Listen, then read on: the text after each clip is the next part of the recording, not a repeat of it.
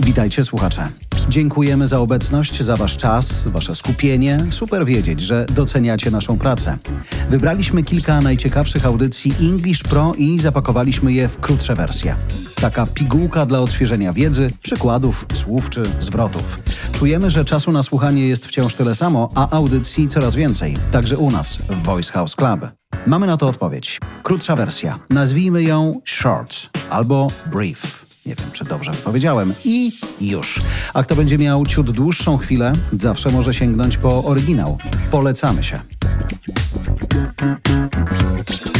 Cause, czyli powód, przyczyna, w kontekście business English może być zastąpiony kilkoma innymi rzeczownikami. Na przykład reason, również powód, przyczyna, origin, pochodzenie, jako powód, przyczyna także, basis, czyli podstawa czegoś, root, również podstawa i ostatnie jako źródło, czyli source. I te wszystkie słowa wystąpią w business English często w znaczeniu cause właśnie. A primary cause of the chaotic workplace of today comes from work overload. Czyli główną przyczyną współczesnego chaotycznego miejsca pracy jest przeciążenie obowiązkami. A primary cause of the chaotic workplace of today comes from work overload. Trudny wyraz chaotic. Chaotic. Pięknie.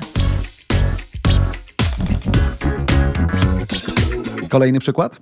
root cause, czyli źródło. These two British academics argue that almost every social problem, from crime to obesity, stems from one root cause inequality. Ci dwaj brytyjscy naukowcy twierdzą, że prawie każdy problem społeczny, od przestępczości po otyłość, wynika z jednej podstawowej przyczyny nierówności. Fajne stwierdzenie, myślę bardzo prawdziwe i jednocześnie bardzo fajnie pokazuje, że nie jesteśmy w audycji English Basic. Uwaga, próbuję.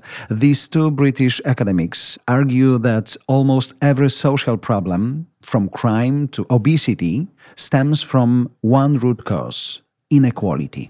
Kolejna kolokacja z przymiotnikiem i cause albo zastępstwem cause to compelling, na przykład reason for.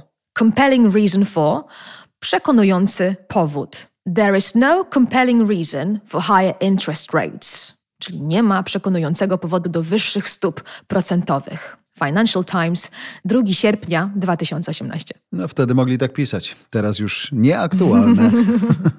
Ale przykład fajny. powodów. There is no compelling reason for higher interest rates. Świetnie.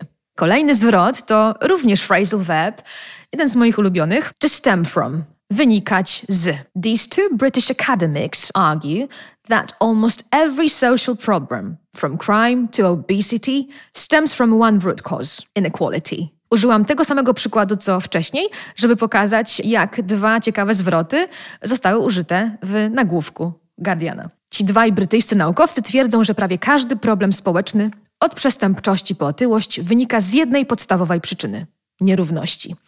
Czyli tutaj mamy stem from wynikać. Fajne, fajne. These two British academics argue that almost every social problem, from crime to obesity, stems from one root cause inequality. Pięknie. I kolejny zwrot to również phrasal verb, który oznacza wynikać. To arise from. Przykład również z The Guardian z 26 czerwca 2020 roku. Phoenix from the flames. The positives arising from 2020's upheaval, czyli jak Feniks z popiołów.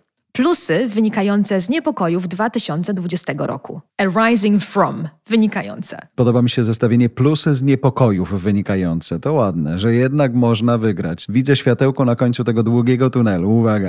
Phoenix from the flames, the positives rising from 2020's upheaval.